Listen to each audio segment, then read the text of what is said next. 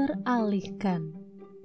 Terlebih sejak ditemukannya smartphone, hidup kita bisa jadi mudah teralihkan. Lagi ngerjain A, tiba-tiba ada notif baru muncul. Lalu kita tergoda ngebukanya. Jadi aja yang A ditinggalkan, lalu ngebaca notif B. Baca notif B kelihatannya menarik, lalu asik dengan notif B. Lalu muncul notif lagi. Gitu terus, jadi kacau balau. Sampai akhirnya menyadari ada yang kudunya harus kelar, waktunya jadi mepet deadline. Siapa yang pernah mengalaminya? Saya sering. Sampai akhirnya berusaha kerjain yang prioritas. Nulis to-do list sepertinya membantu. Saat ini kita sedang mengerjakan apa?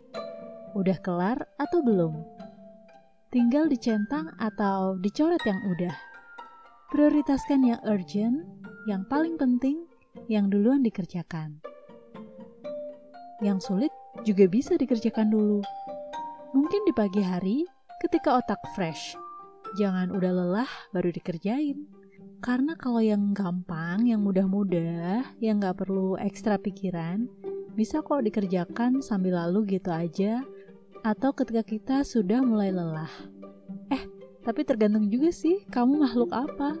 Makhluk pagi atau malam? Karena kalau kamu makhluk malam, ide briliannya kan malah keluar di malam hari. Jadi, sesuaikan aja ya dengan kondisi kamu. Jangan mau lagi fokus kamu mudah dialihkan karena notifikasi-notifikasi itu.